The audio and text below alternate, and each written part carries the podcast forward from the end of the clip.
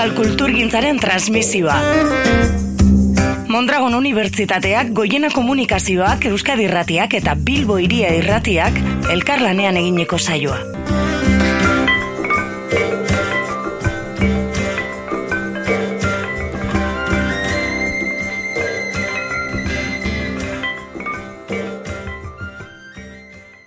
Lorea Agirre Dorronsoro, e, EKT 6 honetako azken izlaria izan da, kazetaria bera, antropologian espezializatua, jakineko zuzendaria, haupa, ze moduz? Ondo, zuke bai? Bai, ederto. Pozi, gainera zurea e, azken itzaldia izan da, EKT 6 honetako ikasleek jaso dugun azken itzaldia. E, eta galdetu behar dizu, azken itzaldia izanik zuk EKT ondo ezagutzen duzu, Euskal Kultur Gintzaren transmisioaren gradu ondo hau, e, zer da zuretzako gradu ondoa, edo ze, ze garrantzi du, edo ze karpen egin dezak, edo bueno?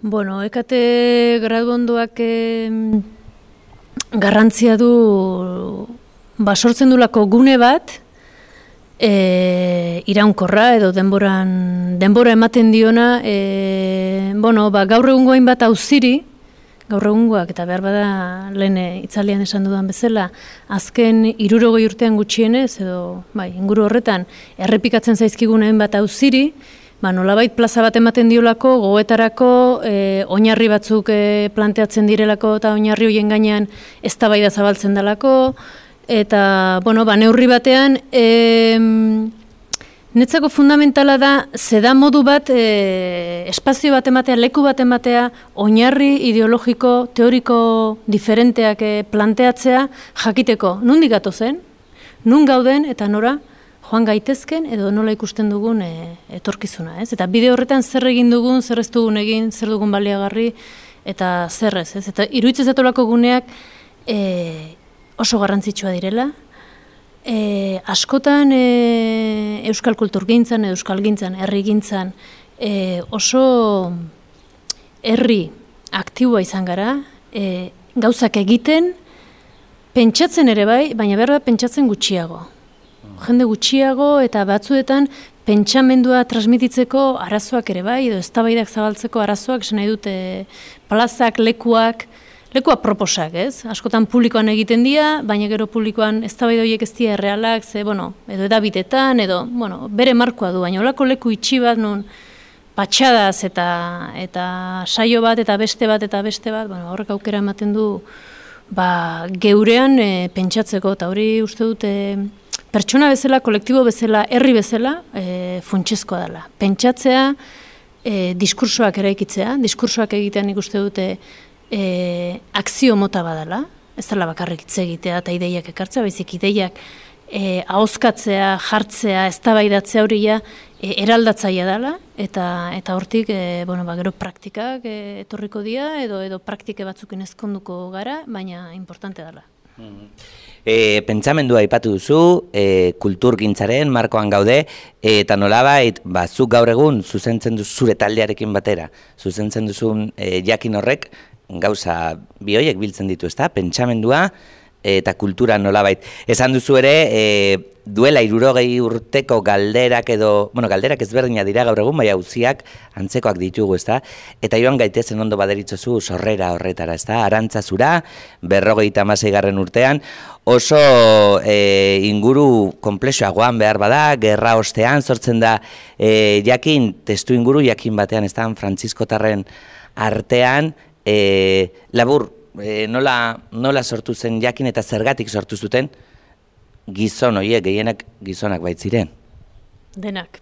Ziren gizonak, ba, beraiek esan ohi duten bezala, e, nola seminarioak, e, seminario eta orden diferenteak zirelako orduko e, klase herritarren e, gizonezkoentzako unibertsitateak, ez, ez emakumeentzako. Eta bueno, ba, zergatik e, sortzen da arantzazun, ba, lehenik eta behin, e, izkuntzaren, izkuntzaren kezkatik. Alegia, Euskaraz e, pentsamendua sortzeko e, ba, lehen e, zait, inspirazio edo bokazio horretatik abiatzen dute e, aldizkari hau, ez? Horre ezaguarri batzuk gertatzen dira momentu horretan berrogeita amaseian eta da ba, alde batetik e, gerra bukatu dela hainbat urte pasadia, basamortu intelektual erabateko badago, eten badago gerra aurreko pentsamendu guztiarekin da, gerra aurrean dagoeneko sortzen ari den euskararen, kulturaren, naziogintzaren gaineko e, begirada moderno, ireki, e,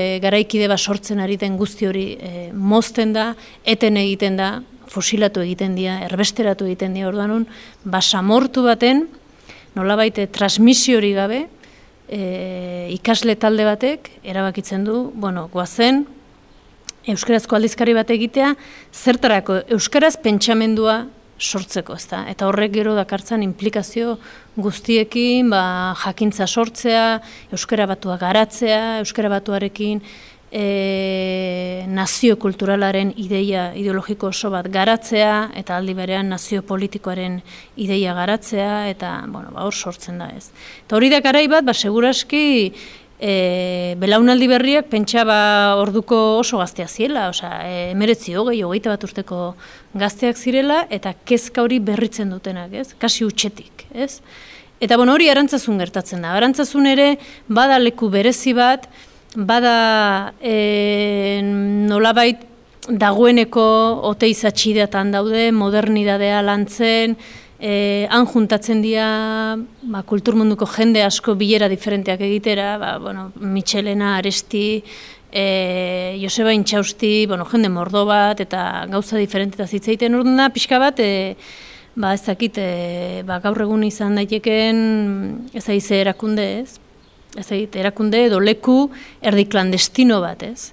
Eta hor sortzen da baita ere hor edo ingurumen horietan e, lehen ikastolak, gerra ostekoak, eh, hor sortzen dira e, gau eskolen fenomenoare abiatzear dago, bueno, hor badago giro bat e, nola baite oso berezia, historikoki oso berezia, eta behar bada horregatik e, transmisio ezaren da basamurtuaren e, abismo horren beldurrari erantzun beharraz, ba, sortzen da e, mundu intelektual bat, diskurso berri bat ekartzen duna, eta sortzen da pentsalari talde belaunaldi oso interesgarri eta oso indartsu bat, ez? Gerora igual beste belaunaldi batzuk egondia, baina bueno, urte luzetan olako loratze bat, e, uste dut historikoki bere garrantzia eman bartzaiona, eta ba, gaur egungo hauziak ere orduan dagoeneko planteatzen dianak, eta erantzun berriak ematen e, abiatzen dianak ez.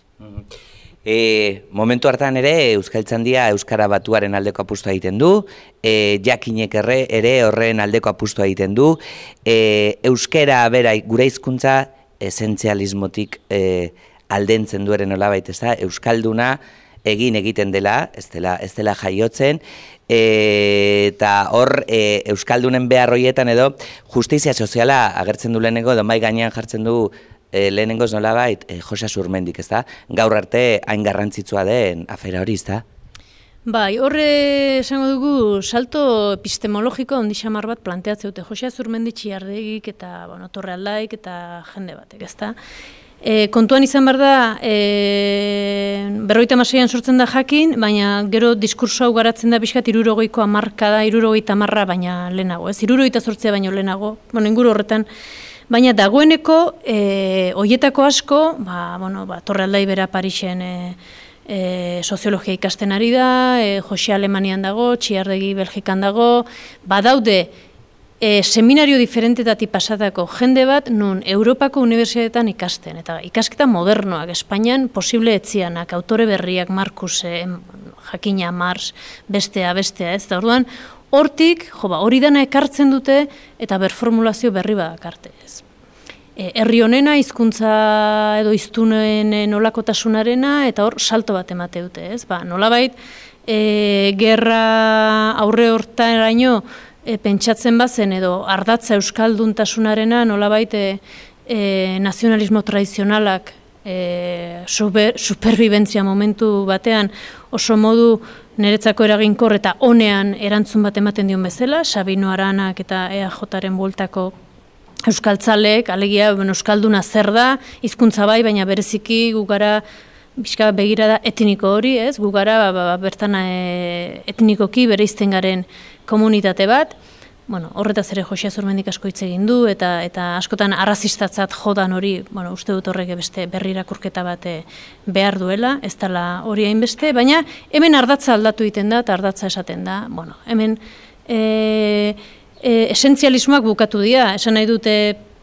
e, ni naiz ola, ola jaio naizelako edo gurasoek edo abizenekin da suerte hau izan dudalako edo edo hori, baizik eta euskalduna euskera bereganatzen du neinean hori da euskalduna eta berdin dio nondi datorren eta horren teorilari nagusia txiardegi da eta txiardegi hain zuzen euskaldun berria da eta eta albarez e, abizenez, ez? Orduan hor benetan aldaketa epistemologiko badago. Alegia zer da euskalduna, ba hizkuntzan zentratzen dana.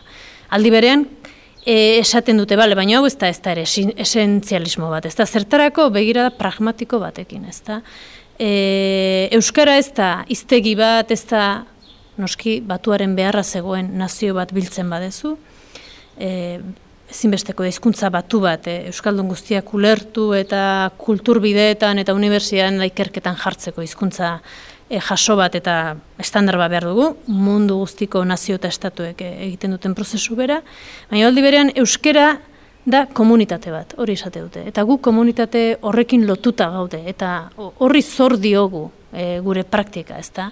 Eta momentu honetan da komunitate bat bere eskubideak iztuntasunari dagokionez erabat ukatuak dituena. Beraz, planoa ez da izan edo ez izan, edo etnia edo ez, edo planoa da hemen justizia eta demokrazia falta dela. Bueno, kontua frankismo garai betea zela, ezta? Bueno, hau planteatzen du Josia Zurmendi, giroita zazpian, Eta esan burrumba handi bat sortzen da. Be, kontra idazten diote asko, esan ez bezala, aizea e, orain arte genitun zutabe guztiak txikitzen, zebeak galdera bat botatzen du. Zergatik eta zertarako euskera? Zez? Osa, zertarako? Osa, benetan iken du pixka bat aber guazen espabilatzea, guazen pentsatzea, guazen zer, zertan ari gara, ez da?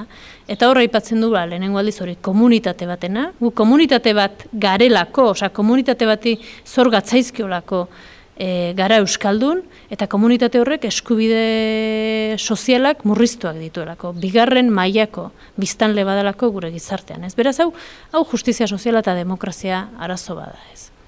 Eta gero, bueno, ba, ideia horrek bere debate izan zuen eta bere arrakasta txikia da hondia, baina bueno, ez da inbeste garatu.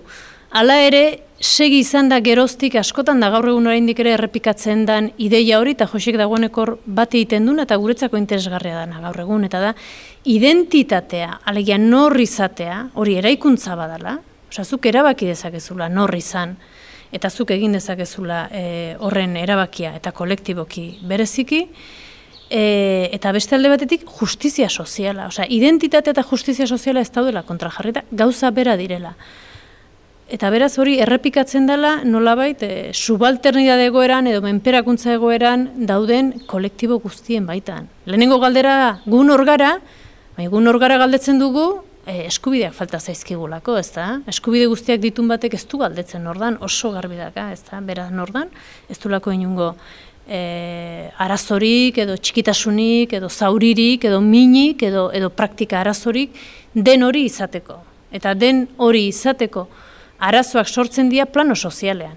Mm. Ez dira sortzen plano personal, e, intimo edo, edo psikologiko batean, baizik plano sozialean. Alegia, botere harremanak markatzen dien jokaleko horretan ematen da. Eta botere mm. harremanak dianak dialako, ba, zu zaude minorrekin, zaude menperatua eta zaude e, beragotua. Beraz, hortik abiatu behar da borrokaren e, oinarria ez da.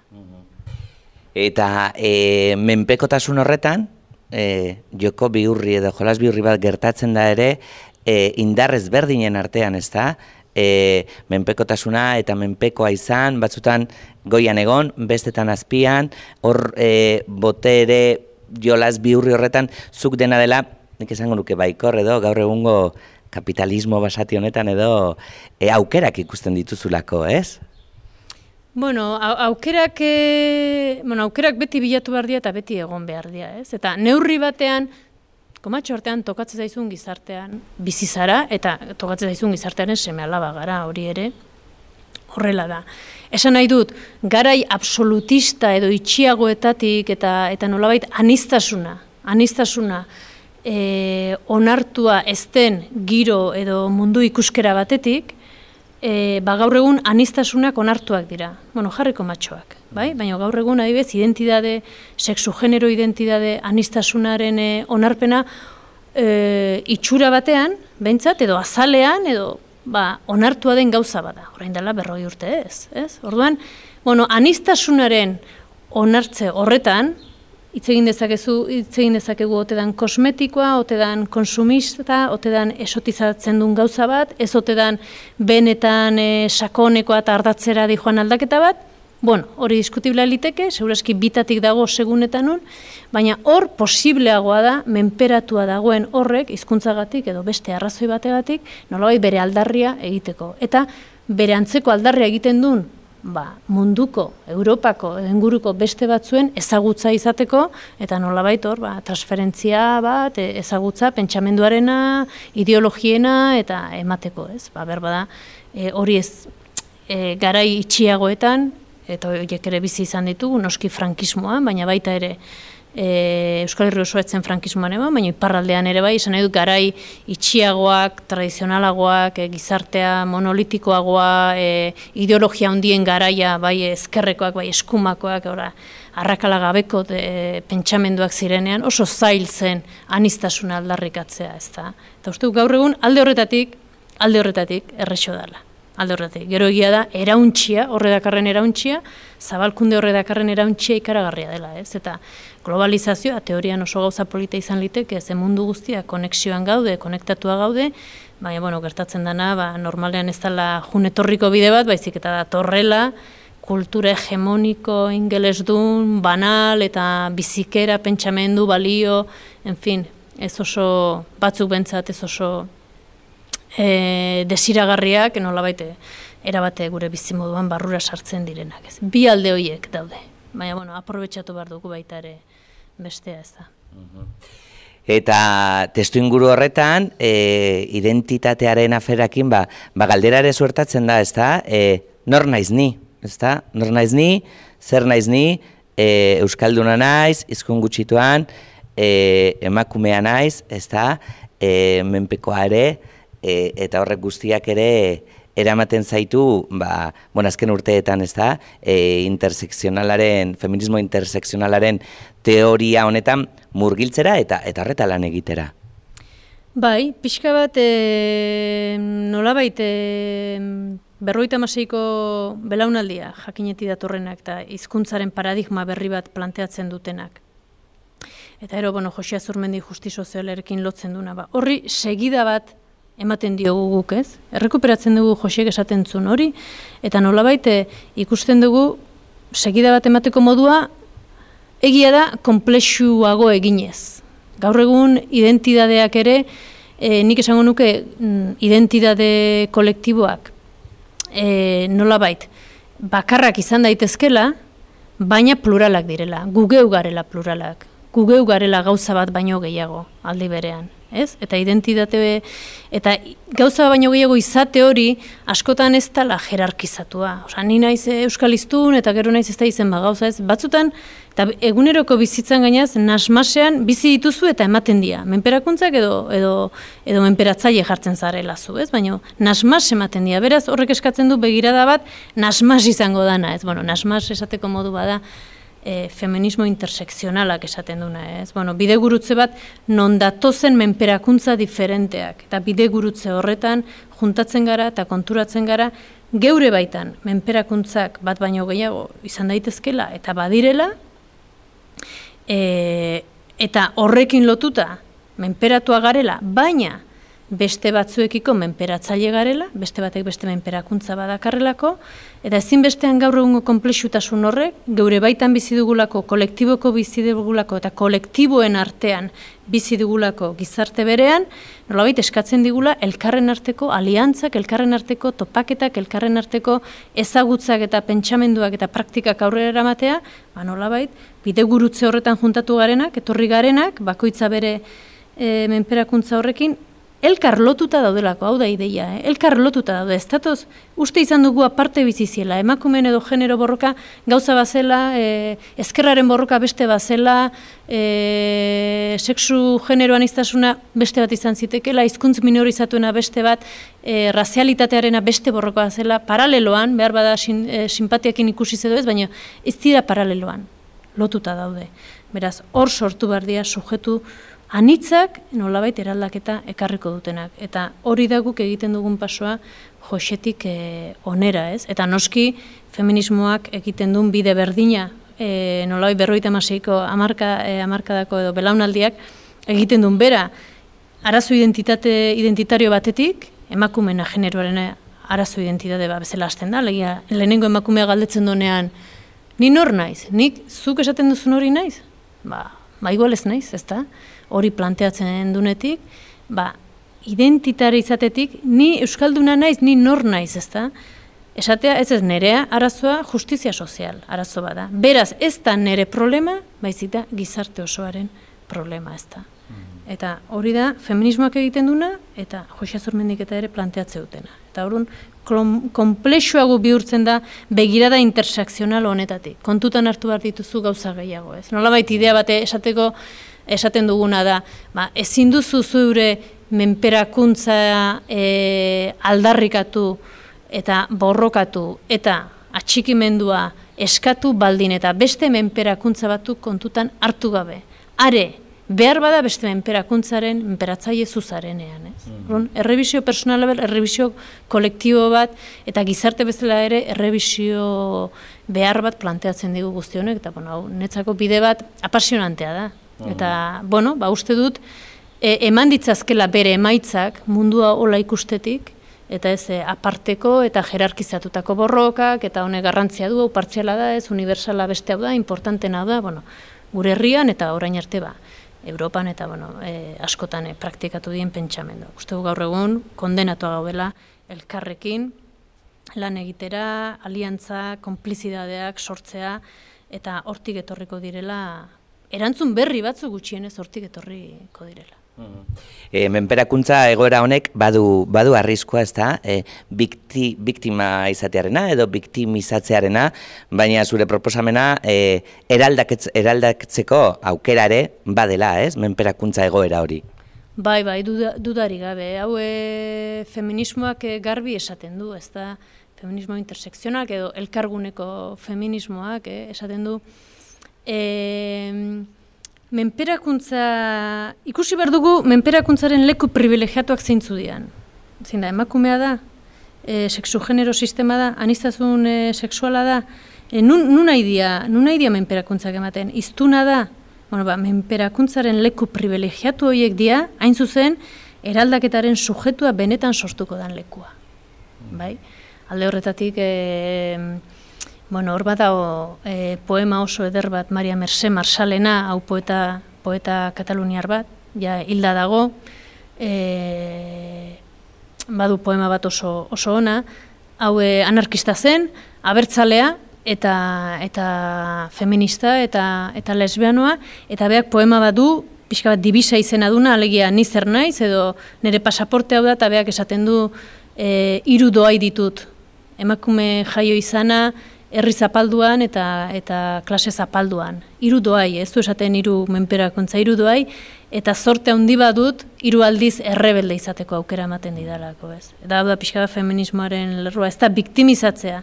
Ze askotan biktimizazioa dator menperatuak egiten zaitu. Zapaldu eta gero gaineraz biktimizatu. Alegia, ez dezazun, izan zaitezen, e, nola baite gizajo bat zure sufrimentuan eta zure zauriak emiazkatzen zaudena, baina ez dezazun salto politikoa, urrats politikoa, aldarri politikoa, plazara irten esan. Bai, bai, zapaldu nauzu baina ni hemen naho, ez da.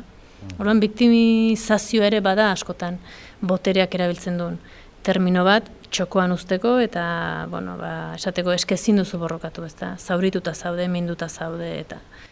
Eta feminismoa justu kontrako esaten du. Guazen begiratzen menperakuntzak, zuti jarri eta gora egiteko ezta. Identitate plural unibertsala e, urrun dago? E, leku batzuetan nik ikusten dut e, badatorrela, edo badagoela, ez da. E, unibertsala zer da, galdetu ezakegu, ez? Ba, unibertsala guk ze idea daukagu unibertsalarena. Alegia, unibertsala diogunean esan dugu zer da gure gizartean zentrala, nor da zentrala, ze hauzidea zentralak. E, Eusko Legebiltzarrean zertan, zertaz hitz egiten da, edo edabidetan zede bate daude, ez? Ba, hori da pixka bat, e, zentralidadea markatu lezakenak plano publikoan. Osa, zer da unibertsala? Osa, gai bat denok zaten duguna, bai, bai, gai oso importantea da, ez da, ba, e, bueno, ba, nik uste dut hori aldatzen ari dela, ze beste agenda batzuk agertzen ari dira, e, demagun, ba, guantxe okurritzezat, ba, bizkaian daude, e, emakume zaintzaileak greban, ez da? Ba, berda, guain dela hogei urte hori izango zen, bazterreko kontu bat, baina nori inporta dio, zaintzan dauden emakumeak e, jende zaharra zaintzen ari den hori. Hori ez da gai zentral edo serio bat herri honen etorkizuna herri honen ongizatearen. Bai bueno ondo saiatuko gara zehatzen baina ez da zentrala. Eta gai hori zentrala da. Era bat zentrala da alegia unibertsala da. Ze denok gaixotzen gea denok zaindu behar dugu denok behar ditugu zain, e, zaintza jaiotzen garenetik hiltzen garen arte ez? Orduan emakumen gai txikiak izan zitezkenak, haustu gaur egun hori ezin dela, ezin dela horrela planteatu, mm. eta honek erakuste digu beste gauza bat, ba. gai unibertsalak, diala, gai partzialak, baina unibertsal maila eman da, ez da? Mm. E, ez da gite, arazoa e, azpiegitura handiak dira, e, ba ez da gite, mm, garraio bide zera handiak dira, hori da arazo nagusi bat eta hori da gure herria nolabait aurrera eramango duna, ba, ba igual dagoeneko kontuatu gara ez ez. Mm. Ez ez. Horren ondoan baduela beste gai askoz potoloagoak, orain arte txikikeria konsideratu direnak. Orduan ikuste hori aldatzen ari dela. Beraz, planteatuko bagenu unibersaltasun berri bat, seguraski izan marko litzateke baita presupuesto berriekin, ez bakarra, edo ez gai jakin batzuk, ez persona jakin batzuk, alegia, gizon, zuria, boteredun, e, nolabai presentzia politikoa zentzu zabalen, plaza okupatzen duen horri begirako mundu bat eraikitzea, baizik, kanpoan gauden guztiontzako mundu bat eraikitzea, beraz, hemendik aurre unibertsaltasuna izango da, partzialtasunekin osatutako unibertsaltasun bat izan barko luke. Eta ez, laugai eta sujetu politiko bakarra. Gizona, zuria eta boterea manejatzeko jaio eta pres dagoen eh, horren e, ongizatea bilatuko duen e, gizarte bat, eta orain artea neurri handi batean hori izan da, ez? Mm. Edo izan da baita ere horren desmontaje batean ibili gara, aurreko belaunaldiak eta eta ondorengoak ere ibiliko dira. Eta nik uste, kondenatua gaudela horretara. Universal, partzialtasun guzti horien universaltasun hori, edo universori, universal bihurtuko dugu, ez dakit. Badakit leku batzuetan dagoeneko horrela funtzionatzen dela, edo urratsak ematen direla begirada hori eukitzeko. Bai? Mm. Zentrura goazen danok, bai? goazen denok zentrura, eta goazen zentruan denok, ba, ez eta ohartzea nire arazoa, bestearena ere badela, naiz eta jitera bat diferentea iruditu, baina azkenean e, leku beretik edo antzekotik e, etorriko dela irtenbide ba, bizigarri bat edo, edo jasangarri bat. Eh? Bueno, ba, e, irten bide bizigarri horrekin, ez? Ez dakit pentsamenduan edo edo helburu bezala, e, eskerrak emango izkizugu eta eta gure esango izugu lore agirre eskerrik asko. Zuei, ondo segi. Euskal Kulturgintzaren transmisioa. Mondragon Unibertsitateak, Goiena Komunikazioak, Euskadi Irratiak eta Bilbo Iria Irratiak elkarlanean egineko saioa.